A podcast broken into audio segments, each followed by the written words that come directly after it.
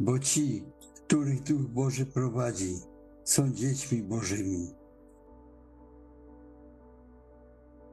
Patrząc na Jezusa, sprawcę i dokończyciela wiary, który zamiast doznać należytej mu radości, wycierpiał krzyż, nie patrząc na jego hańbę i usiadł na prawicy tronu Bożego.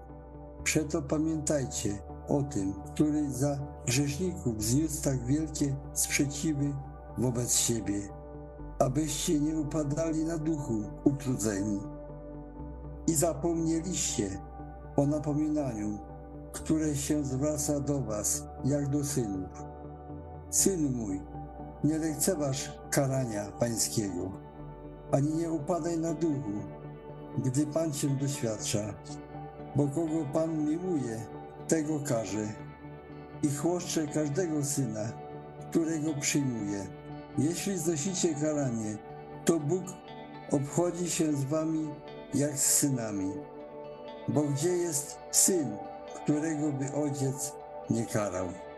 Żadne karanie nie wydaje się chwilowo przyjemne, lecz bolesne. Później jednak wydaje błogi owoc sprawiedliwości tym, którzy przez nie zostali wyćwiczeni.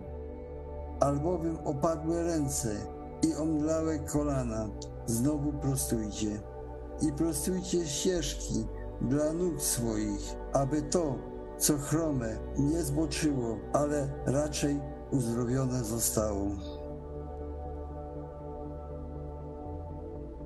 Albowiem uchroniłeś duszę moją od śmierci, oczy moje od łez, nogi moje od upadku.